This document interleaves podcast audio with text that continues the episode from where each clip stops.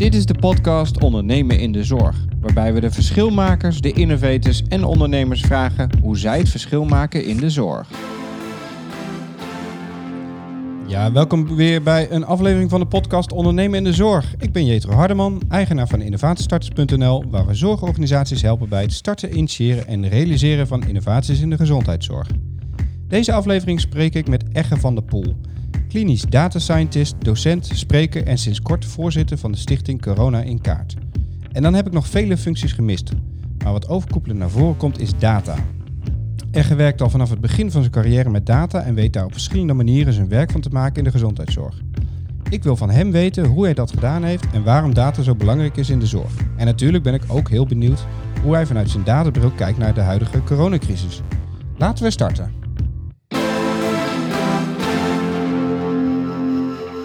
Nou, uh, welkom uh, Egge in mijn nederige studio. Dankjewel Jetro, leuk om er te zijn. Ja, nou hartstikke fijn. Hey, eerst vraag waar ik altijd mee begin. was je als kind ook al ondernemend? ja, goede vraag. Meteen. Ehm, ondernemend. Ja, ik, ik, denk zeker wel ondernemend. Ehm, in die zin dat ik eigenlijk altijd al nieuwsgierig ben geweest en ook niet bang ben geweest om door te vragen. En op die manier heb ik wel, denk ik, een aantal stappen kunnen zetten voor mezelf, ook al als klein kind, die uh, niet noodzakelijkwijs bij anderen terugzag. Uh, wat was dat dan? Nou, ik denk dat uh, ik, ik leerde vrij makkelijk. Hè? dat, dat was iets wat, wat al heel snel duidelijk was. Maar ik zat ook in een schoolsysteem, bij mij dan Montessori, waarin het eigenlijk vanzelfsprekend is dat je ook andere mensen helpt.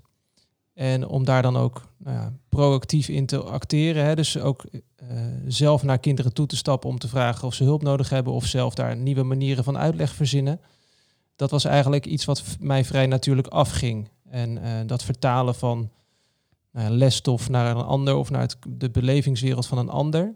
Dat zie ik als een belangrijke eigenschap voor mensen die ondernemend zijn. Om, om de verbinding te kunnen maken naar de context en belevenis van een ander. Uh, wat denk... voor soort uh, dingetjes heb je dan opgezet? Of wat, voor, wat, wat merkten anderen daar dan aan? Nou, ik heb, ik heb niet bijvoorbeeld een uh, huiswerkklasje opgezet of zo. Hè. Dus ik, voor mij zit er een verschil tussen ondernemer zijn en ondernemend zijn. Ja. En voor mij is ondernemend is meer dat je echt proactief dingen doet en anticipeert of wat er gaat gebeuren en daar dan ook naar handelt. En ook niet bang bent om vragen te stellen.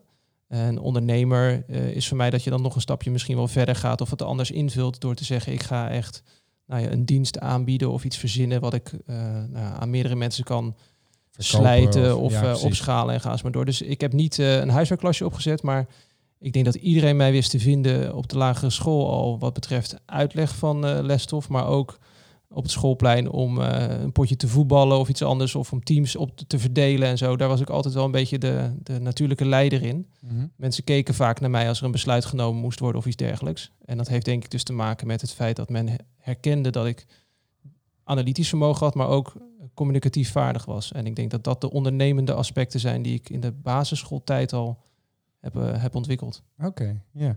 En uh, je noemde net ook al proactiviteit. Hoe heeft dat je zeg maar, verder in je carrière dan ook geholpen? Oeh, dus weer een goede vraag. Um, uh, want het kan je ook, meer stellen. Want het kan je ook wel eens uh, in de weg zitten natuurlijk, proactiviteit. Dus het is ook wel natuurlijk de omgeving die er uh, ja, voor geschikt moet zijn om die proactiviteit goed op waarde te kunnen schatten, zullen we maar even zeggen. Maar mijn proactiviteit heeft er in ieder geval toe geleid dat ik ehm, dankzij die proactiviteit en mijn nieuwsgierigheid altijd de keuze heb gemaakt om de paden in te slaan waarmee ik dacht dat ik het beste mijn nieuwsgierigheid kon bevredigen. En dat heeft in eerste instantie tot technische natuurkunde in Delft geleid als studie, maar ook tot filosofie in Rotterdam. Heeft mij mooie promotieonderzoeken opgeleverd bij CERN in Genève. Uh, maar heeft mij daarna ook gewoon de keuze laten maken, of ik heb gedurfd om de keuze te maken proactief om die wereld ook vaarwel te zeggen en dingen te proberen. En eigenlijk voor ja, het avontuur te kiezen zonder dat het ook echt als een avontuur voelde. Maar wel gewoon dat ik dacht van nou, het ene is klaar of is af en ik weet nog niet wat er nog meer gaat komen. Maar ik ben ervan overtuigd, ik heb het vertrouwen en de proactiviteit om, uh, om, de, om, om ja, eigenlijk die stap te durven zetten. Is dat belangrijk dan, dat je ook vertrouwen hebt in jezelf om proactief te kunnen zijn? Ik denk het wel. Uh, ik denk het wel, want voor mij draait uh, veel van de dingen die ik niet durf, draait erom dat ik niet ehm, weet of andere mensen dat op waarde schatten. Hè? Dus het is mhm. toch ja, heel bazaal gezegd, mensen zijn op zoek naar aandacht, erkenning, waardering. En systemen zijn eh, op sommige momenten heel slecht in staat om die te geven aan mensen. Dus we willen het allemaal, maar we vinden het ook lastig als systeem en als mensen ook in het systeem om die te geven aan anderen. Dus als ik iets niet durf, dan is het toch een kwestie van, ja, krijg ik wel die aandacht, erkenning, waardering van anderen voor die stap die ik ga zetten. En vertrouwen in mezelf uh, geeft mij de kracht en de energie om toch dingen te proberen. Omdat ik dan wel denk van het is inherent beter om die stap wel te zetten. Of dan wel gewoon weet dat waar ik nu zit, dat die energie wegvloeit. Ja. Um, en zo heb ik al een aantal keren een stap gezet in mijn carrière. Die mij uh, op dat moment heel spannend leek, maar die me achteraf ontzettend veel heeft opgeleverd. Ja. Eigenlijk is dus in die zin altijd een nieuwe stap zetten, altijd een, de keuze maken. Altijd beter dan blijven zitten. Nou ja, altijd is natuurlijk een lastige veralgemenisering. Okay. Maar ik snap wat je bedoelt. Kijk, kijk, voor mij draait het erom dat uh, als je de keuze maakt om die stap te zetten, dan ben je minder afhankelijk van anderen. Mm. Want als je reactief gaat zitten wachten tot de anderen het voor je oplossen of een nieuwe mogelijkheid voor je creëren, dan uh, loop je kansen mis, denk ik. Dus als je zelf die stap durft te zetten, onder andere door dat vertrouwen en daar ondernemend in durft te zijn, uh, ja, dan gaan er dingen gebeuren die je op voorhand niet weet, maar waar je dus uiteindelijk, achteraf gezien, waar ik ja, ontzettend blij mee ben geweest. Ja, nu al waardevolle lessen die gedeeld worden over ondernemerschap en vertrouwen. um, je vertelde ook dat productiviteit niet altijd betekent uh, dat het je helpt. Um, kan je dan een moment uh, noemen waarbij je dacht van, oh, nu uh, helpt het me niet? Nou, kijk, ik, ja, mijn, mijn vertrouwen in mezelf. Uh, nogmaals, ik, ik doe ook dingen niet omdat ik dan uh, toch bang ben voor de reactie van anderen. Maar mijn vertrouwen in mezelf kan er ook toe leiden dat ik in organisaties waarin een bepaalde hiërarchie is, uh, maar eigenlijk ja, niet zoveel aantrek van die hiërarchie. Hè? Ja. Dus niet, zo, niet per se u zegt tegen de professor. Oh ja. Ja. Um, um, uh, niet per se de mening van de hogere in rang hoger acht dan de mening van de laagste in rang. Ja. Want een goed idee is volgens mij een goed idee. En als je uh, twijfelt over wat het beste idee is, dan kun je ze allebei uitproberen en kijken welk het beste werkt. Um, en dat is niet gangbaar in heel veel organisaties. Uh, ook niet in de zorg, maar ook niet erbuiten. Hoe denk je dan over hiërarchie in het algemeen? Nou goed, ik denk dat hiërarchie. Um, nou, wat ik niet denk is dat een platte organisatie alles oplost. Nee. Hè? Ik denk dat um, hiërarchie vanuit inhoud. Hè? Dus je hebt een soort van subject matter expert en een subject matter professor, zullen we even zeggen. Ik denk dat daar altijd wel een soort van natuurlijke hiërarchie zal zijn in de zin van mensen die ergens verstand van zaken in hebben. Die herkennen ook echt wel degene die er meer verstand van zaken van heeft. Ja. Een soort expertise macht versus organisatorische macht. Ja, ja en Johan Cruijff zei, er, zei erover altijd, uh, uh, negens nemen tienen aan en zevens nemen zesjes aan. Oké, okay, ja. Ik zeg daarbij dan, uh, ik zelf als egge, ik ben een acht, dus ik mag kiezen.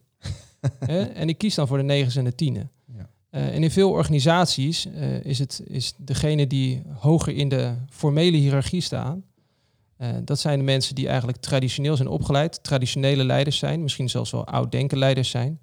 Um, en die zijn gewend om het hele, hun hele leven lang de slimste in de kamer te zijn. Ja. De allerslimste. En daardoor zijn ze uiteindelijk omhoog geklommen. En die zijn het allerslimste geweest op een heel smal vakgebiedje. Um, en ik denk dat de tijden waarin we nu zitten, met heel veel dynamiek, complexiteit, en noem al die termen op, FUCA en anti-fragile, je kunt de boeken erop naslaan. expertise zijn, ja. Dat, dan, dat vereist eigenlijk een ander type leiderschap. Hè? En het vereist dienend leiderschap, waarbij je dus als negen een tien aanneemt om je heen. Ja. En niet als negen denkt, nou die 8,5 die kan ik eronder houden. Ja. Um, dus ik vind hiërarchie uh, vind ik niet iets wat, uh, wat je los moet laten aan zich, omdat ik dus vanuit de inhoud daar wel waarde in zie. Dat je weet bij wie je terecht kunt met je inhoudelijke vragen. Maar hiërarchie als instrument om um, nou ja, te sturen um, en te besturen, daar geloof ik niet in.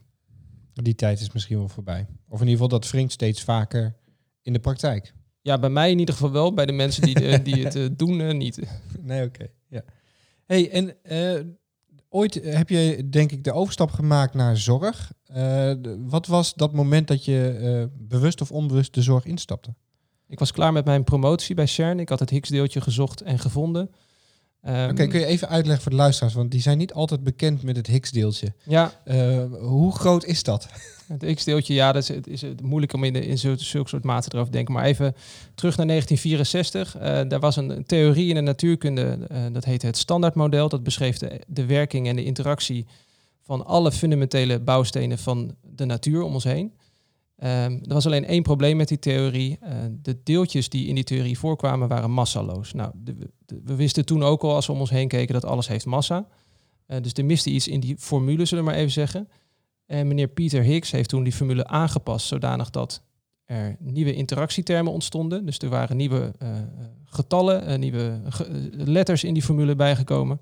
Waardoor de andere deeltjes massa kregen. Met als consequentie niet alleen maar dat, dat die formule opeens anders was. Maar ook dat in die formule eigenlijk, uit die formule bleek dat er een nieuw deeltje moest ontstaan. Ja. En dat nieuwe deeltje was niet gespecificeerd hoe zwaar het was of hoe groot het was en ga ze maar door. En eigenlijk hebben we sinds 1964, hebben we 50 jaar lang als natuurkundige gemeenschap eh, steeds grotere apparaten gebouwd om met steeds meer energie, eh, eh, nou ja, een soort van deeltjescreatiemachines te maken, deeltjesbotsers. Want Einstein leert ons ESMC kwadraat. Dus als je een massa wil zi- zien, dus je wil het Higgs-deeltje maken, je wilt een massa van het Higgs-deeltje wil je creëren, dan creëer je gewoon heel veel energie op één plek. Want energie en massa zijn dus via ESMC kwadraat in elkaar om, om te zetten. Nou, en we wisten niet welke massa we zochten, dus we hebben 50 jaar lang steeds meer energie gecreëerd, totdat we eindelijk eh, begin jaren 2010 eh, bij CERN erin staat waren om dat Higgs-deeltje ook echt te zien in de data. En ik was dan een van de mensen die de eerste data-analyse op die data heeft gedaan. Ehm, nou goed, en dat, dat, dat heeft dus zeg maar voor, voor het verschil tussen voor- en na-ontdekking voor Jan op, de, op straat zeg maar geen enkel effect natuurlijk. Ehm, en dat heeft eh, verder wel fundamenteel gezien eh, heel veel belangrijke aspecten, maar vooral ook in de zoektocht naar dat Higgs-deeltje is 50 jaar lang zijn de grenzen van de technologie eigenlijk opgerekt. Ja. Eh, op het gebied van data eh, creëren, data distribueren, data analyseren. Ja, eigenlijk het hele denken vanuit het World Wide Web komt van wetenschappers van CERN. Het hele distributed computing komt van wetenschappers van CERN. Dus ik zeg altijd, wij deden daar big data voordat big data big data genoemd werd. Ja. En we deden daar eh, science met data en die technieken heten nu data science. Dus alles is daar eigenlijk vandaan gekomen van wat er nu in de normale mensenwereld rondom data hip en happening is. Ehm, ja, en hoe ben ik dan vanuit daar de zorg in gekomen, was jouw vraag. Ja, het is eigenlijk heel simpel. Ik zag dus daar die fundamentele uitdagingen een tijd lang. Ik heb in de Champions League van de natuurkunde gewerkt, vond ik super interessant. Maar ik had ook heel snel door, ik ben ni- niet degene die dit specifieke vakgebied verder gaat helpen. Er zijn mensen veel beter toe in staat. En ik vond veel meer energie ook in het vertalen van de moeilijke technische concepten naar de normale mens. Dus ik deed veel aan outreach, zoals dat dan heet, hè? communiceren naar het gewone volk. Ehm, en dat is eigenlijk een soort van rode draad. We begonnen net op mijn basisschool. Ja, eh, het uitleggen aan een ander hoe het dan in elkaar zit. En daar Ja. steeds nieuwe invalshoeken voor vinden. Ehm, nou, en ik wilde dus die stap eh, zetten door de wetenschap los te laten. En toen was mijn vraag, ja, wat, waar krijg ik dan wel energie van? Nou, maatschappelijk relevant was wel heel duidelijk voor mij. Dus ik heb toen drie gebieden onderzocht. Wetenschapscommunicatie, eh, onderwijs en zorg. Nou, wetenschapscommunicatie dus van wat ik net zei, mijn eigen ervaring. Ehm, maar onderwijs en zorg heb ik eigenlijk met de pap paplepel ingegoten gekregen. Want mijn eh, moeder is eh, ruim 40 jaar lang onderwijzeres eh, Nederlands geweest. Lerares Nederlands geweest. En mijn vader is zijn hele carrière internist geweest. Ik heb een broer die is nu huisarts. Een zusje die is verpleegkundige. Ja. Ik moet zus zeggen, want ik vind het ook altijd vervelend als mijn broer mijn broertje noemt. Maar, Ja, ja. eh, dus ik heb een broer en een zus. en ehm, eh, ik heb dus veel van dat soort eh, kennis en kunde om me heen. Ja. Ehm, en toen stuitte ik eigenlijk bij toeval op een vacature als klinisch fysicus audiologie in het Erasmus MC. En daar ging ik eh, naar bellen en toen kreeg ik te horen dat de vacature weliswaar nog open stond, maar dat die al vervuld was. Ja, en ik als proactief eh, persoon zei, precies. nou dat kan niet, want in de, nou, hè, de datum is nog niet verstreken, dus ik mag op gesprek komen. en toen werd ik toch doorverbonden met iemand en die zei, ja, eh, het is eigenlijk al vergeven, maar nou, zeg maar even, wat heb je dan voor achtergrond? Ik zei, nou, ik ben net gepromoveerd bij CERN, nou, kom maandag maar even langs. ja, precies. Ja, nou dan helpt het wel, die productiviteit, toch? Ja. Ja, ja. Hey, en, en naast dus dat je, de- als ik eh, op je LinkedIn kijk, je hebt vele functies eh, die je volgens mij allemaal naast elkaar doet. Ik weet niet hoe je dat doet. Eh, maar een van, eentje die opviel was corona in kaart. Eigenlijk pas dus sinds kort opgestart. Wat doet corona in kaart? Ja, corona in kaart is, en ja, ik moet misschien ook al inmiddels zeggen was, eerst en vooral een beweging. Um, 18 maart 2020 kreeg ik een appje van mijn broer, de huisarts in Rotterdam-West. Um, en daarin vroeg hij me eigenlijk heel simpel om half acht ochtends van... joh, is het nou niet mogelijk om gewoon corona-verdenkingen simpel te registreren... en dan op een landkaartje te plotten? Want ik heb op dit moment geen idee waar de besmettingen zijn in mijn wijk, bij mijn patiënten. En je moet je voorstellen, een huisarts gaat veel op bezoek bij de mensen thuis. 18 maart was de, nou, het begin van de eerste golf, zullen maar zeggen. Veel gedoe over persoonlijke beschermingsmiddelen. Dus wat doe je aan, waar naartoe en uh, dat soort dingen. Uh, als huisarts loop je een portiekflat in in Rotterdam. Niet al die patiënten in die portiekflat zijn jouw patiënten. Um, dus ja, je weet niet of wat je collega's daar al hebben aangetroffen. Je weet bijvoorbeeld niet of de thuiszorg er ook thuis komt en ga ze maar door. Nou, die simpele vraag om half acht ochtends op 18 maart deed mij ertoe om nou, één minuut later naar een aantal mensen in mijn netwerk een appje te sturen van kijk nou, uh, weet je, dit is toch eigenlijk technisch gezien super simpel om te doen. Dus laat, zullen we ja. het gewoon even in elkaar zetten. Een paar studenten van Jets van de Soda Science uh, aangehaakt. Nou, en binnen vier dagen hadden wij het met een, nou, een clubje, uh, zijn we dat uitgegroeid tot een clubje van ongeveer 20, 30 mensen die uh, via de appgroep en uh, met een paar avond- en weekendsessies of een paar avonden en weekenddagen weet je, doorknutselen, hadden we, hadden we iets werkends. En dachten, nou prima, dit werkt. En mensen, huisartsen kunnen daar zelf gewoon verdenkingen en besmettingen invullen. We hebben een landkaartje waar ze dat op terug kunnen zien. Nu is ja. het enige wat nog nodig is, is dat we dit landelijk even doen en dan aanhaken op de systemen die er al zijn. Landelijk even doen, hoor. Ja, ja, dus dat is technisch natuurlijk geen, geen nee. enkel probleem. Nee. maar aansluiten op bestaande systemen dan weer wel. Um, en ook zorgen dat, dat, je, dat er geen kwaadwillende gebruik van kunnen maken en zo. Dus er waren wat haken en ogen. Maar ja, we hadden al, ook door, die, uh, door er enige rugbaarheid aan te geven in die week daarna... kregen we eigenlijk de techniek aangeboden van allerlei echt topnotch uh, spelers. Hè. Dus de mensen die voor de job John Hopkins Universiteit... waar heel de wereld naar kijkt qua coronacijfers... die, ja. die in IT-infrastructuur werd ons aangeboden. Uh, hosting werd ons allemaal aangeboden. Het enige probleem daarbij was ja, we waren geen entiteit, we waren gewoon een paar mensen bij elkaar ja. die een websiteje hadden. Ja. Um, dus toen was er een stichting nodig. Uh, ja, want dan ben je een entiteit, dan ben je iets, dan besta je. En dan ja. kunnen zij hun techniek en menskracht doneren aan die entiteit. Dus toen hebben we, dankzij onze juristen, Josine van den Brug, hebben we binnen no time een stichting opgericht. Dus op 1 april, en dat is geen grap, is onze stichting opgericht. En uh, uh, ja, daar ben ik dan voorzitter van geworden. Dus en, minder dan twee weken hadden jullie een stichting? Ja, met uh, statuten uh, waarin uh, ook hele duidelijke doelbinding was vastgelegd, omdat wij heel erg waken voor data-hongerigheid, zullen we maar zeggen. je kunt heel snel vanuit één idee data gaan verzamelen en dan denk je, ja, misschien kunnen we ook nog dit mee, misschien kunnen we ook dat nog mee. Ja. Nee, wij wilden helpen in de coronacrisisbestrijding um, en we wilden daar relevante inzichten voor creëren. Maar als die noodzaak verdwenen was, dan wel doordat het corona de wereld was, uit was, of dan wel omdat anderen die oplossing al hadden, dan was er geen noodzaak voor ons bestaan. En dat stond dus in de statuten, dan heffen we onszelf op. Waarom, waarom is dat zo belangrijk? Want nou, je benoemt het zo specifiek. Wat zit daarachter dan? Nou, wat daarachter zit is dat uh, ik met mijn ervaring en de mensen die dus daarin mee hebben gedacht, heel vaak zien in de werkelijkheid dat uh, organisaties beginnen dus met dataverzameling of misschien zelfs alleen maar met een soort van IT-dienstverlening. Uh, het opzetten van een registratiesysteem. Uh, dat kan financieel van aard zijn of een ander soort. Um, um, ja, en dan, dan op een gegeven moment heb je dus een bak met data en denk je, ja, daar, kan, daar kun je eigenlijk best wel interessante dingen mee doen. Ja. Maar dat ligt niet in de lijn van jouw bestaan en de reden waarom jij die data bent gaan verzamelen, zullen we maar zeggen. Dus het, het valt eigenlijk bij, buiten um, de doelen die jij tot dan toe had qua verwerkersovereenkomst en opslag en ga ze maar door. En dat soort function creep, dat soort, dat soort een beetje glijdende schaal in wat mag je nou wel of niet met die data. En ook eigenlijk op die manier zie je heel veel monopolies ontstaan. Hè? Want um, er zijn toch wel een hoop partijen die zeggen, ja luister eens, uh, wij zitten op die data, zeg maar even zeggen, of dat is Oh ja. onze data. Oh ja, en, en, ja. en dan niet data met elkaar willen delen. Die verkokering en die silo's in de zorg is een groot probleem. Eh, dus het leek ons niet constructief om eh, dat te willen bestrijden door eigenlijk datzelfde gedrag te gaan vertonen. Ehm, eh, dus we hebben daar eigenlijk vanaf begin af aan voor, gestaan van hier, dit, tot zo willen we gaan en dan is het ook opgelost. En daarbij geloven we dus dat als je die, die verkokering tegen wil gaan, en je wilt tegelijkertijd zeg maar, de burger meer eh, recht van spreken geven, ook op het gebied van toegang tot data en ga ze maar door. Dan hoort daar dus niet bij dat jij maar zelf kunt doen en laten wat je wil met die data. Het moet een doel dienen, het moet goed passen. eh, bij het vraagstuk wat je wil oplossen.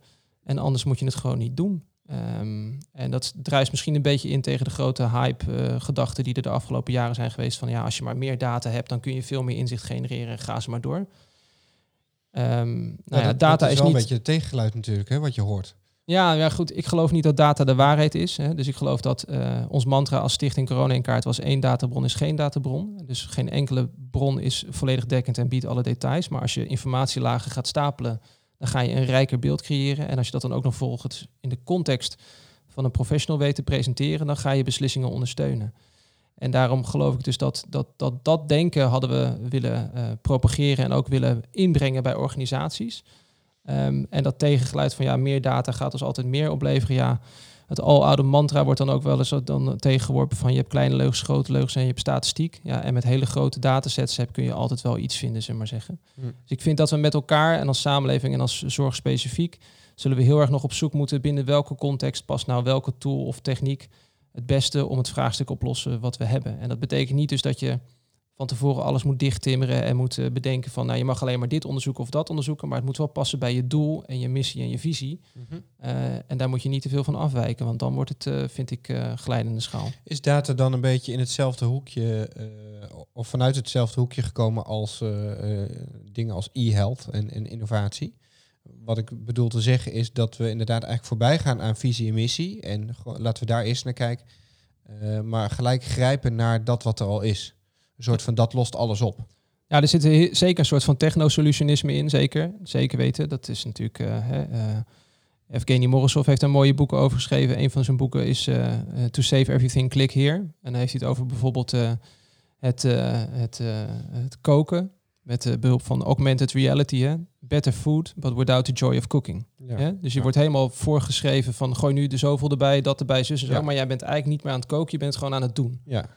Ja. Um, dus er zit heel veel solutionisme denken in. Hè. Um, dat, dat zeker. Um, en we vinden het ook heel mooi dat we zijn gaan beeldbellen in de coronacrisis. Nou, dat heeft natuurlijk ook echt heel veel patiënten ook echt wel geholpen. Ja. Maar voor mij, als, je het, als ik een beetje, een beetje uitzoom, dan zeg ik digitalisering is nog te veel digitaal iets erin en te weinig digitaal iets eruit. Er is veel meer potentie vanuit digitale bronnen te halen dan we uh, nu doen. Um, en zo, als we dat niet gaan doen, dan gaan we eigenlijk het leervermogen niet vergroten en versnellen. En dat is mijn ambitie. Dus dat we niet. Ja, data is, is, is zo'n. Data, big data zijn buzzwords, maar de, de, meest recente buzzword is artificiële intelligentie. Oh ja. Dus die AI, ja, dat is allemaal leuk en aardig, maar dat is een middel en geen doel. En um, ja, er wordt nog, toch nog te veel, dus door onbegrip en uh, nou ja, eigenlijk gebrek aan kennis en over wat het wel kan en wat het niet kan wordt er toch nog heel veel nagepraat over, nou, het gaat ons dit brengen, gaat ons dat brengen. Um, ja, en dat gepraat hebben we niet zoveel aan. We zullen het toch in de praktijk moeten ervaren. En dat gaat ons dus helpen om nou, de AI te bereiken waar het volgens mij om gaat. En dat is accelerated innovation. Dus dat, dat is echt het leervermogen vergroten en versnellen. Ja. Um, en ik denk dus dat daar nog een lange weg te gaan is. Um, hey, en welke rol pak jij daar dan in als ondernemer? Want jij zit in die data. Dus, dus jij maakt daar het verschil. Je zit op de belangrijke plekken volgens mij waar dat kan. Hoe, hoe kaart je dat dan aan?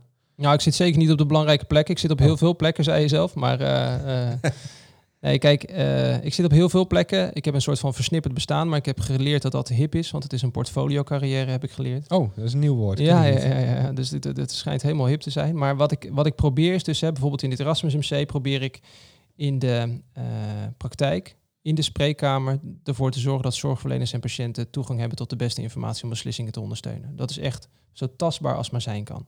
Dat is helemaal niet machine learning, artificiële intelligentie, nee, super spannend. Het is gewoon eigenlijk spiegelinformatie. Mensen zoals u, die, die, die we in het verleden hebben gezien hier, die hadden ook last van slikklachten. Ja. En met die slikklachten is het zo en zo doorgegaan, ja. 6, 12, 18 maanden na operatie. Eigenlijk iets wat voorheen gewoon door een, een goede ervaren arts ook werd gedaan, alleen dan in zijn hoofd.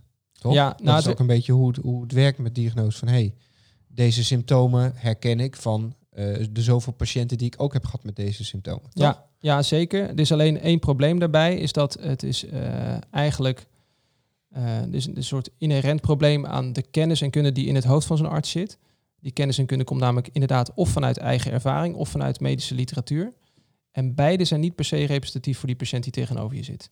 Hè? Ze zeggen wel eens van de duizend patiënten die in een spreekkamer komt, had er één in de trial kunnen zitten, dus één in de studie kunnen zitten waarop je protocollen en richtlijnen en behandelingen zijn gebaseerd. Nou, je hebt dan dus nog 999 andere die je ziet, ja, die eigenlijk door inclusie en exclusiecriteria niet in de studie zijn meegenomen. Ja. Ehm, ehm, en daarnaast, ja, weet je, de, de, de NS1-ervaring van zo'n arts, ja, uh, lees Daniel Kahneman, Thinking Fast and Slow, ja, je brein kan je behoorlijk voor de gek houden. Ehm, dus het, ja, eh, dat vingerspitsengevoel en dat niet-pluisgevoel, wat, wat artsen altijd zeggen, dat is heel belangrijk. Hè? Want er zijn heel veel taken die een mens gewoon beter kan uitvoeren dan een computer of welk systeem dan ook. Hè? Vooral dat associatieve denken en dergelijke.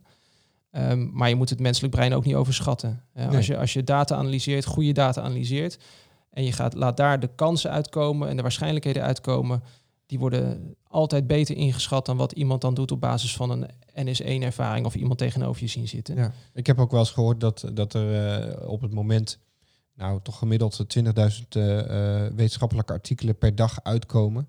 En dat je dus inderdaad als mens überhaupt het niet meer bij kan benen. Dus dat je nooit uh, goed op de hoogte kunt zijn van alles wat er nu speelt. Ja, ja dat is best een enge gedachte. Ja, ja, zeker. En dus naast het feit, eh, dus dat, dat is de explosie van kennis, hè, en dat niet meer bij kunnen benen. Ik noemde net al even dat uh, uh, de, de, de studies die dan gedaan worden ook niet per se representatief zijn voor de patiënt die tegenover je zit. Tel daarbij op nog eens even dat het 15 jaar kan duren voordat een inzicht vanuit de wetenschap zich naar de praktijk verplaatst, zeg maar.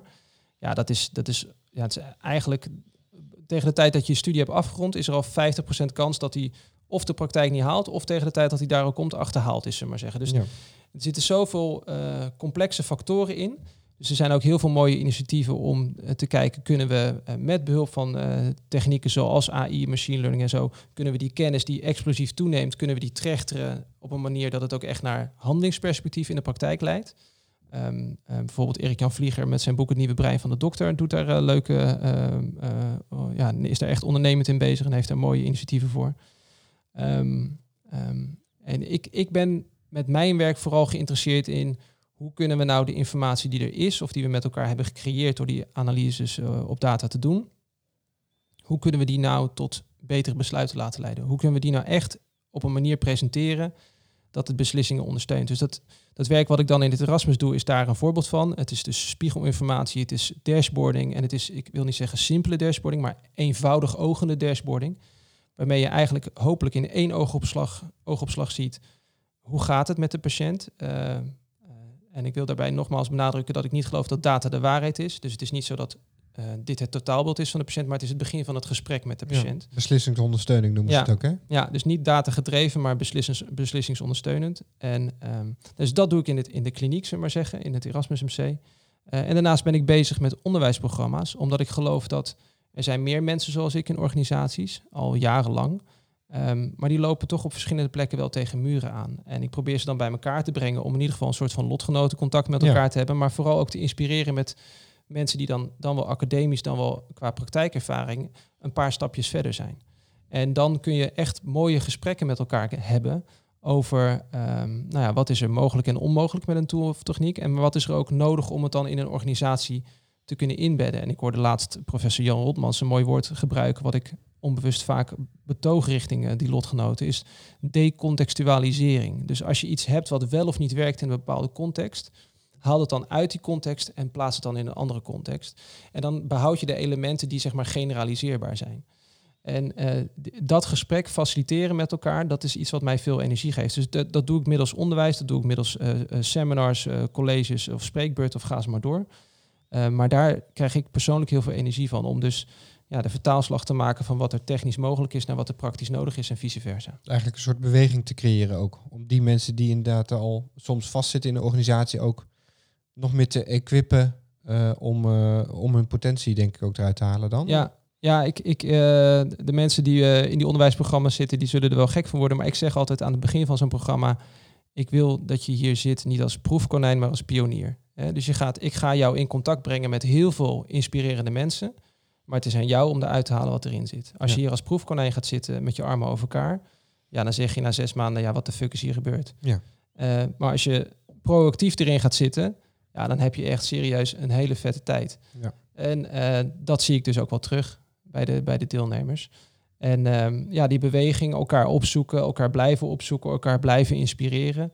Ja, dat, eh, dat is wel waar ik veel energie uit haal en hopelijk de anderen dus ook. Ja, mooi zeg, mooi. Hey, als je nou kijkt naar de gezondheidszorg, hè, hebben we dan voldoende ondernemende mensen in de zorg? Jazeker. We hebben heel veel eh, ondernemende mensen. Ik denk namelijk dat iedereen die bijvoorbeeld zorgverlener is, is ondernemend. Die, die gaan proactief naar de mensen toe. Die vragen hoe het mensen, mensen is. Als je nu ook ziet hoe corona is opgepakt door de zorgverleners, is dat Ja. fascinerend. Het is echt Zonder direct protocollen en het is fantastisch om Ja. te zien wat mensen aan oplossend vermogen hebben. Op, op- oplossend vermogen hebben. Ja.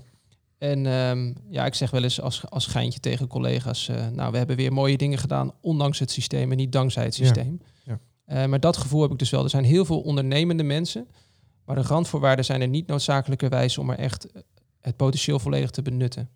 Ehm, dus ik denk dat wat je nu hebt gezien, hè, en eh, mensen zoals Marcel Levy, die, dat zijn ook pleitbezorgers daarvan, maar als je nou gewoon de regeltjes weghaalt en de autonomie en het professionele eh, aspect van het werk gewoon voorop stelt, dan zul je zien dat mensen heel veel kunnen en heel veel oplossend vermogen hebben en heel proactief zijn en gaan ze maar door. Maar wat is dan de reden dat ze dat niet altijd doen? Want nou, je zei het al, hè, ondanks het systeem. Nou goed, ja, ik moet heel vaak, ik, ik zou heel graag Joris Luijendijk een keer in de zorg een tijdje willen laten rondlopen, zoals hij ook bij bankiers heeft gedaan. ja, hè? oh, interessant. Het kan niet waar zijn. Hè? Eh, dat was volgens mij zijn boek Dit kan toch niet waar zijn. Ehm, en ja, dat gaat er natuurlijk over dat die, in, de, in het geval van die bankiers allemaal hele aardige mensen. Hij gaat ermee eten. Tuurlijk, Hij, het is ja. echt super gezellig. Ze, ze houden van hun ouders, hun kinderen, hun vrienden en alles. Het, al het mooie in het leven. En eh, in hun werkomgeving doen ze de meest verschrikkelijke dingen. In de zin van ze, ze, laten hele gemeenschappen failliet gaan door de keuzes die ze maken als hedge fund investors en ga maar door.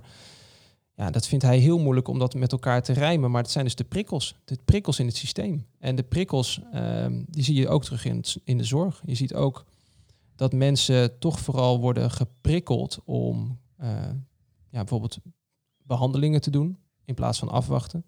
Je ziet dat mensen geprikkeld worden om het bij... Mijn Google Home, die luistert mee, blijkbaar. Die heb ik getriggerd. ja, precies, met je data waarschijnlijk. Nee. Maar eh, wat, wat was ik aan het zeggen? Oh ja, dat, eh, dat de, de prikkels dus niet noodzakelijkerwijs dat je zo zijn dat je, dat je eh, eh, gaat afwachten in plaats van behandelen. Dat die ook niet noodzakelijkerwijs de prikkels er zijn dat je om te zorgen dat je nou, bijvoorbeeld je patiënt of je cliënt overdraagt aan een ander of het echt samen gaat doen. Ehm, eh, nou, en, en het meest schrijnende is natuurlijk dat er toch nog veel gedoe is geweest. En in de eerste en in de tweede en straks ook in de derde golf over het, het verplaatsen van patiënten. Eh, Ja. en, want het gaat ten koste van bedden en het gaat Ja. dus ten koste van productie en het gaat dus ten koste van iemand zijn boterham. Ja, en dat, dat, weet je, dat soort prikkels, Dat schuurt. Ja, dat, dat bevordert in ieder geval niet het, ehm, eh, eh, het gedrag wat wij op macroschaal wel hopen te gaan zien met elkaar. Preventie in plaats van zorg, substitutie, patiënt-empowerment, hè, burger-empowerment, citizen science, ketensamenwerking, eh, noem het allemaal maar op. Ja, dat, dat- als we die prikkels niet aanpakken, dan komen we er niet. Nee. Waar ik ook nieuwsgierig naar ben, is helpt data nou altijd bij het verbeteren van de zorg of kan data de zorg ook tegenwerken? Ja, nee, tuurlijk. Er zijn altijd voorbeelden te verzinnen waarin data de zorg tegenwerkt. En dat heeft er dan bijvoorbeeld ook mee te maken dat data. eh, ik heb wel eens mensen horen zeggen dat data is net als. Nou ja, dat is niet helemaal waar. Ze zeiden geneeskunde is net als Trump. Het is racist, biased en eh, nou ja, goed. Maar, maar de, de, de, de Ja. data die je opslaat kan natuurlijk een enorme bias in zich hebben. hè. Kan Ja. maar voor een subgebied van de mensen verzameld zijn. Ja. Is dat, is dat de- dezelfde discussie als die we inderdaad dus hebben met media? Hè, de fake news en... Ja, Eh, fake dus- news en eh, bijvoorbeeld de eh, preventive policing, weet je wel, de preventief fouilleren. Ja, en, en met die toeslagenaffaire, weet je wel. Dus Ja. ja, er zijn, zijn allemaal voorbeelden te verzinnen waarbij als je een selectie alleen maar in je data laat belanden en je gaat bijvoorbeeld daar vervolgens modellen op bouwen, ja, dan gaat hij handelen naar de data die je erin hebt gestopt. Hè. Er zijn ook Ja. bekende voorbeelden van HR, da- data analytics, waarin werd gevraagd, nou, op basis van het huidige eh, personeelsbestand, wie, wordt, eh, wie komt er in de top van het bedrijf terecht? Ja, werden allemaal mannen geselecteerd. Ja, hoe komt dat? Omdat als je nu kijkt naar de top van het bedrijf, zitten daar alleen maar mannen. Ja. Weet je wel, dus als je op de verkeerde kenmerken, eh, als je die in je data stopt en je gaat dan het, het algoritme laten trainen, Ja.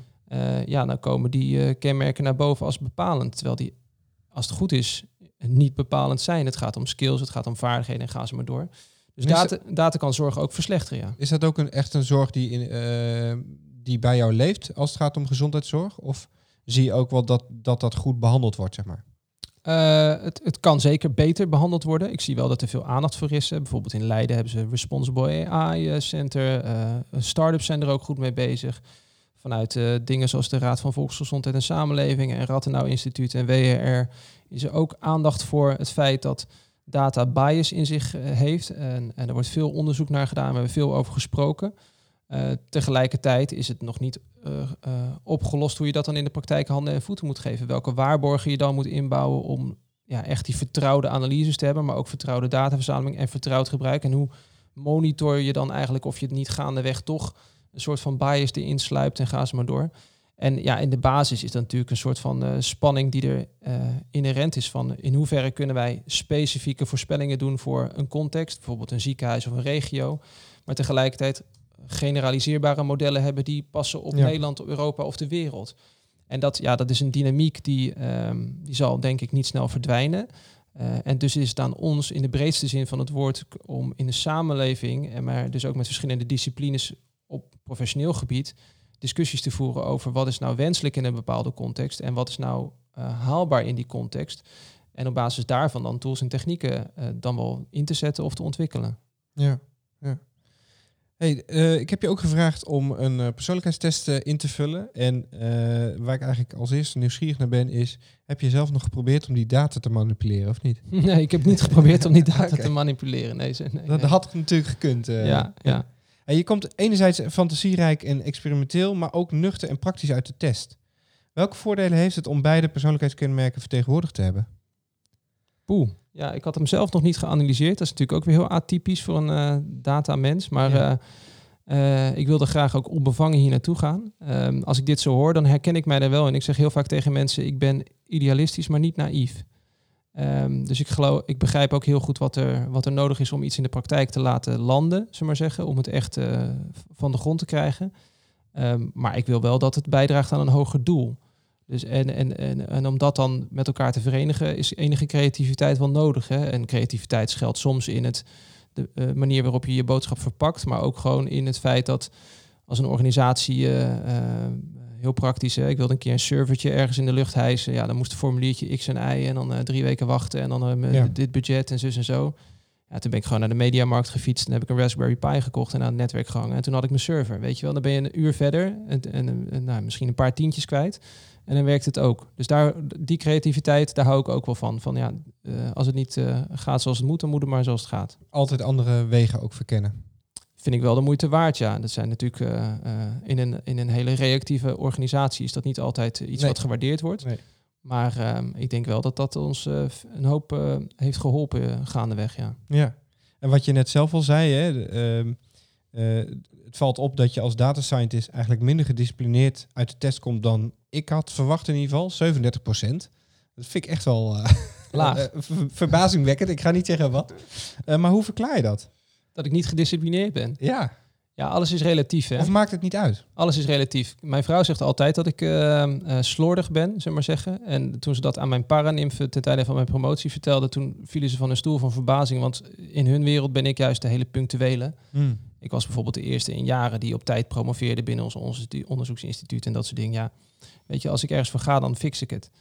Ehm, ehm, maar tegelijkertijd, ja, als je aan mijn ouders zou vragen hoe mijn bureau er vroeger op mijn eh, kinderkamer uitzag of op mijn puberkamer, ja, lag vol met boeken en stapeltjes en papiertjes en dit en dat en zo. Maar als je mij vroeg waar ligt het, dan wist ik het. Ja.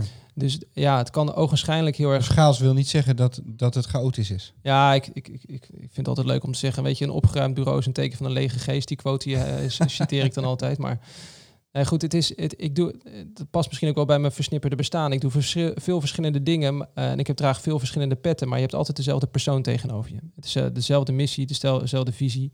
Eh, het is niet zo dat ik star vasthoud aan die missie of visie, maar ik probeer wel dezelfde kant op te bewegen langs verschillende routes. Dus zelf analyse doen past erbij, erover praten past erbij, onderwijs vormgeven past erbij.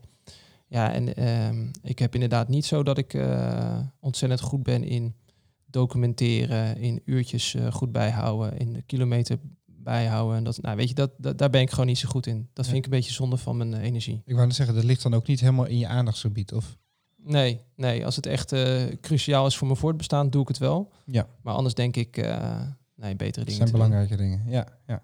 Wat ook opvalt is dat je ja, eigenlijk niet heel duidelijk extravert of introverte kenmerk hebt. Dus je hebt ze beide, hè, dat is heel gemiddeld. Um, als je het je collega's zou vragen, wat zouden ze dan zeggen? Extrovert of introvert? Ja, dat is een goede vraag. Ik heb, ik heb namelijk op verschillende plekken natuurlijk verschillende collega's en ook met verschillende rollen daar. Dus ik heb laatst keer een cursus verandermanagement gedaan. En in het kader daarvan heb ik ook een vragenlijst uitgezet bij collega's. Waarbij het heel interessant was om te zien ook dat ik mijn verschillende rollen daar wel in terugzag. Dus bij de ene uh, werkgever ben ik bijvoorbeeld veel bezig met ook nou, een soort van projectmanagement en sub, subcontractors, maar zeggen. En daar ook echt uh, eindverantwoordelijk voor dingen. Uh, dus die zagen dat element wel echt bij me terug. En bij de ander ben ik meer de initiator. En, de, uh, en die zagen dus helemaal niet dat, dat eindstukje van mij. En dat zag ik dan in die, in die test terug. Dus afhankelijk van waar je de vraag gaat stellen, uh, denk ik dat bijvoorbeeld mensen die mij als spreker zien, die zullen zeggen dat is een extravert persoon. mensen die mij een vergadering meemaken, zullen dat waarschijnlijk ook zeggen, want ik hou mijn mond niet. Nee. Mensen die mij goed observeren in bijvoorbeeld bij bijvoorbeeld een netwerkborrel of dat soort dingen, die zullen zien dat ik eigenlijk heel vaak gewoon in beweging blijf om maar niet met iemand dat, dat, dat, dat awkward gesprek te moeten voeren van, oh ja, wat, wat brengt jou hier, weet je Ja. wel? En, uh, Maar is het introversie of is dat misschien ook uh, niet die small talk te willen doen? Want dat hoor ik eigenlijk door, de, door het hele gesprek heen. Je wil wel dat het ergens over gaat.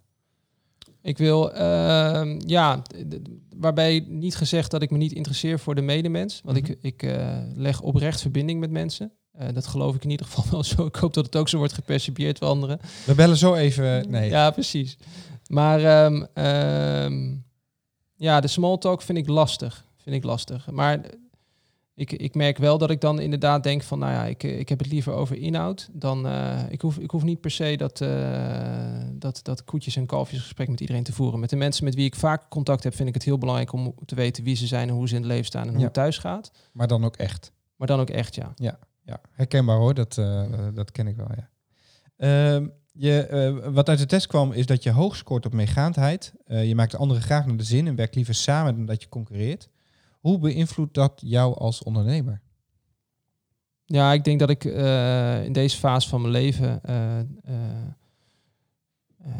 wel besef dat ik, als ik nog scherpere keuzes maak, dat ik dan misschien wat mensen voor de voeten stoot, maar misschien ook wel meer, meer, ja, meer bereik ook, meer impact maak. Uh, dus die meegaandheid die kan voor me werken en tegen me werken. Zo zie ik het echt. Ik denk dat ik nu um, weer die proactieve uh, kaart even speel door te zeggen van nou, ik, ik snij een aantal dingen los in mijn bestaan qua werk. Uh, en dat geeft hopelijk weer energie om nieuwe dingen te gaan doen. Um, dus ja, die meegaandheid herken ik. tegelijkertijd, als het meegaandheid is ten koste van mijn eigen principes, dat, dat zie ik niet zo dat snel terug. Niet. Er zit echt wel een grens aan. Zeker. En ik zeker. hoor je ook wel zeggen dat het een soort fase is. Dus dat je meegaan bent tot een bepaalde tijd en je weer beseft van, wacht even, ik moet volgens mij weer keuze maken om door te kunnen groeien, denk ik. Of? Ja, nou ja, goed. Ik heb, ik heb vooral ook dat ik af en toe ervaren heb in mijn uh, carrière dat op een gegeven moment wordt, ga je een soort rol spelen. Niet zozeer vanuit jezelf beredeneerd, maar vanuit de perceptie van een ander. Van, ja. En uh, hè, dan ben je bijvoorbeeld, uh, dan, dan denk je zelf dat je de kritische buitendenker bent. Maar dan ziet de ander je toch gewoon even als vrolijke noot tussendoor of zo, weet je. Of Ja, ja. als nar die even iets komt doen en dan gaan we weer over tot de orde van de dag. Ja. En als ik dat dan merk, ja, dan ben ik weg. Dan denk ik, ja, dit heeft nul toegevoegde waarde. Uh, ik ben hier omdat ik een serieuze boodschap heb. En omdat ik echt vind, oprecht vind dat dingen anders moeten. Dat er oprecht uh, andere randvoorwaarden nodig zijn om hier het voor mensen zoals ik, of mensen die data savvy zijn, of mensen die innovatie savvy zijn, om daar uh, meer potentie uit te halen of het potentieel beter te van, benut, van, van te benutten. Ja, en als daar dan niet serieus mee om wordt gegaan, dan, dan kan ik wel echt, uh, nou, daar echt mee klaar mee zijn. Dus je zal niet een, een sprekersopdracht aannemen bij een, een congres uh, wat denkt, oh, we doen ook nog iets met data. Ja, wat, wat doe je ermee? De, als, als het zeg maar als een soort van uh, fun fact aan het einde is. Dat ja, het, een soort afsluiten of, oh ja, wacht even, we hebben nu deze thema's. Laten we die er ook nog even bij doen. Nou ja, nee, nee, nee. Of is jouw boodschap dan anders? Want dat kan dan is, mijn, dan is mijn boodschap anders, uh, want ik wil ze wel meenemen in mijn verhaal. Hè? Dus het is, het is een, een, een, moeilijke vraag dit, want ik vind wel het heel leuk om te communiceren hierover. En ik, ik, ik hoop dan altijd dat ik een paar mensen op een ander idee kan brengen. Ja. En dat kan ook in zo'n publiek of bij zo'n opdracht. Ehm, maar wat ik, ik zal nooit, eh, eh, ik ben ook wel eens gevraagd om eigenlijk het verhaal te vertellen wat zij al hadden verzonnen. En toen zei ik, ja, nou, Oh, dat is Oh. toch jullie verhaal, ga het zelf lekker vertellen. Ja. en ja. eh, dus daar, daar bedank ik dan wel heel hard voor, ja. Ja, ja. Hey, je bent niet snel van slag in stresssituaties, maar kan toch nog wel eens eh, piekeren. Eh, wat zijn onderwerpen waarover jij kan piekeren als ondernemer? Ik kan piekeren als ondernemer. Als kan- ondernemer, hè? Ja, Ja, daar, precies. kan, daar komen, ja, precies. Dat is een goede je kinderen en je specificatie. vrouwen. Dat, Ja, nee, precies. Nee, dus. Ja, dus piekeren als ondernemer. Ja, nogmaals, ik voel me dus meer ondernemend dan ondernemer. Eh, maar vooral, nou, wat ik zei, die randvoorwaarden. Hoe creëer je nou die randvoorwaarden? Hoe krijg je dus mensen daarin mee in een organisatie? Daar pieker ik wel over. Hoe krijg je dat voor elkaar? Eh, ik zeg wel eens, hè, gestolen van mijn collega's, hoor, van de hard stuff is easy, de easy stuff is hard. Hè. Dus tools en technieken, daar komen we wel uit. Maar hoe creëer je een nieuwe cultuur dat het ook echt eh, goed geborgd wordt? Eh, daar, eh, daar kan ik over piekeren. Of in ieder geval op puzzelen. Eh, piekeren doe ik dan met name of, eh, of, we, de- of we dan wel ehm, ja, de juiste dingen hebben gedaan om ervoor te zorgen dat, dit, ja, dat we het maximale eruit hebben gehaald, zullen maar zeggen. Hè. Hebben, we, hebben we dan ook eh, nou ja, de, juiste stappen gezet, procesmatig, maar ook de juiste mensen meegenomen? Hebben we, hebben, hebben we de, de, de, juiste incentives gegeven? Hebben we de juiste informatie gegeven op momenten dat het toe deed? Eh, dus meer procesmatig. Want als het, als het gaat om data-analyse inhoudelijk, eh, voelt het altijd meer als puzzelen dan als piekeren. En dan, dan is het, komt er een hele andere energie bij vrij. Andere- ja. Dat is meer positieve energie. Bij Ja. piekeren is het toch wat meer negatief. En nog even terug op die cultuur. Want eh, wat in ons voorgesprek volgens mij ook al eh, even ter sprake kwam. Toen had je het over een soort inception uitvoeren op mensen om dingen gedaan te krijgen. Vond ik zelf een briljante metafoor. Maar kun je dat uitleggen wat je daarmee bedoelt? Nou goed, mijn ervaring is dat als, als, als, als je probeert om iets te vertellen waar je in gelooft en dat dat moet gebeuren, want anders eh, X of Y, zullen we maar zeggen. Eh, organisaties willen meer met data, willen data-driven worden. Nou, daar vind ik dus wat van. Maar goed, daar, daar, daar spreek ik me dan ook over. Maar dan, dan, en, je beseft niet dat daar bepaalde stappen voor nodig zijn, dan kun je dat zeggen. Maar dat komt in mijn ervaring in ieder geval niet altijd aan. Ik Nee. ben natuurlijk maar een mier op de mierenhoop, zullen maar zeggen. Ehm, en dus is het een soort van spelletje. Hoe kunnen we ze nou zelf tot dat inzicht laten komen? Dus dat is echt dat Inception. eh, die film is eh, briljant natuurlijk. Maar hoe kunnen we nou mensen zelf de vraag laten stellen? Ja. En even kort uitgelegd, Inception gaat inderdaad over het planten eh, in iemands droom een idee planten, waardoor iemand wakker wordt en zelf denkt dat dat een idee is. Hè? Dat is een beetje het, het concept daarvan. Ja, Ja. dus je zou het ook nog helemaal terug naar de geschiedenis kunnen trekken, naar het Soc- Socratisch gesprek. Hè? Gewoon vragen blijven stellen, zodanig dat iemand het zelf Ja. tot het inzicht komt. Ehm, en dat, ja, dat vind ik wel heel. eh, eh, nou, aan de ene kant vind ik het jammer dat het zo werkt. Dat mensen dus kennelijk het gevoel moeten hebben dat ze het zelf hebben verzonnen. Ja. Voordat ze een idee omarmen. Eh, aan de andere kant zit daar natuurlijk ook wel een soort van charme in. Van hoe krijg je dat dan voor elkaar? Ik ben daar nog niet goed in. Ik Ja, aan welke wel- kant zit je dan inderdaad? nou, ik ben, ik ben daar nog niet goed in. Ik ben denk ik nog te ongeduldig. Als ik vind dat iets moet gebeuren of dat het echt beter kan, laat ik het zo vooral zeggen. Als ik vind dat iets echt beter kan, omdat er zoveel onbenut potentieel is, dan zal ik niet nalaten om dat te zeggen. Ehm, en dat betekent natuurlijk in de huidige hiërarchie, daar hebben we hem weer, dat je toch dat het over kan komen als wij doen het niet goed voor Ja. de leidinggevende. Ja. Ehm, ja, en daar, daar ben ik nog niet goed genoeg in, vind ik. Eh, om dat op een andere manier te brengen of op een andere manier te planten. Eh, en daar, eh, daar zit dus nog heel veel ontwikkelcapaciteit bij mij, zullen we maar even zeggen. Maar ehm, eh, Je ik, wilt er te veel pokon eh, in bijstoppen. ja, ik wil dat het sneller gaat. Ik ben ongeduldig wat dat betreft. En ehm, dat is dus aan de ene kant een goede eigenschap, want dat geeft energie en dat geeft doorzettingskracht bij mezelf. Maar in organisaties die wat reactief zijn, ehm, geeft dat heel veel wrijving en soms ook gewoon eh, hakken in het zand. Ja, ja.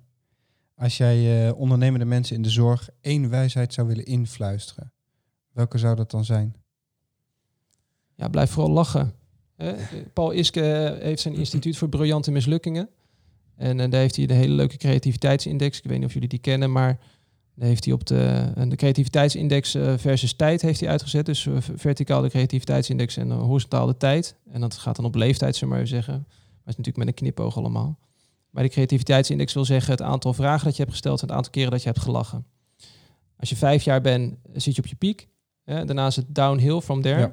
Eh, ik geloof bij 44 eh, is, je, is je dieptepunt en daarna ga je weer een beetje omhoog. Maar ja, blijf dus die vragen stellen, maar blijf ook vooral lachen. Want innovatie moet leuk zijn, uh, kan heel leuk zijn. En als het niet leuk is, dan zit je niet op de juiste plek. En dus ondernemende mensen zullen dat herkennen. Die zullen, denk ik, veel plezier ervaren bij de dingen die, die ze hebben gedaan, waarbij ze ook echt impact hebben kunnen maken. En waar het niet lukte om impact te maken, was het dan ook gewoon niet leuk. Ehm, dus ja, vooral blijf, blijf lachen, man. Het moet leuk zijn. Ja, het, pa het, past zo bij uh, de uitspraak die ik vaak doe, is uh, laten we de zorg vooral slimmer, beter en leuker maken. Ja. Dat dat inderdaad zo'n drijver is eigenlijk volgens mij waarom mensen ook in de zorg blijven werken. Omdat het, het moet gewoon leuk zijn. Ja. Het moet voldoening geven. Ja. Als iemand nog meer wil weten over uh, EGGE en, en alle functies die je daarbij bekleedt, hoe kunnen ze jou dan bereiken? Ja, dan kun je mijn assistent... Nee hoor.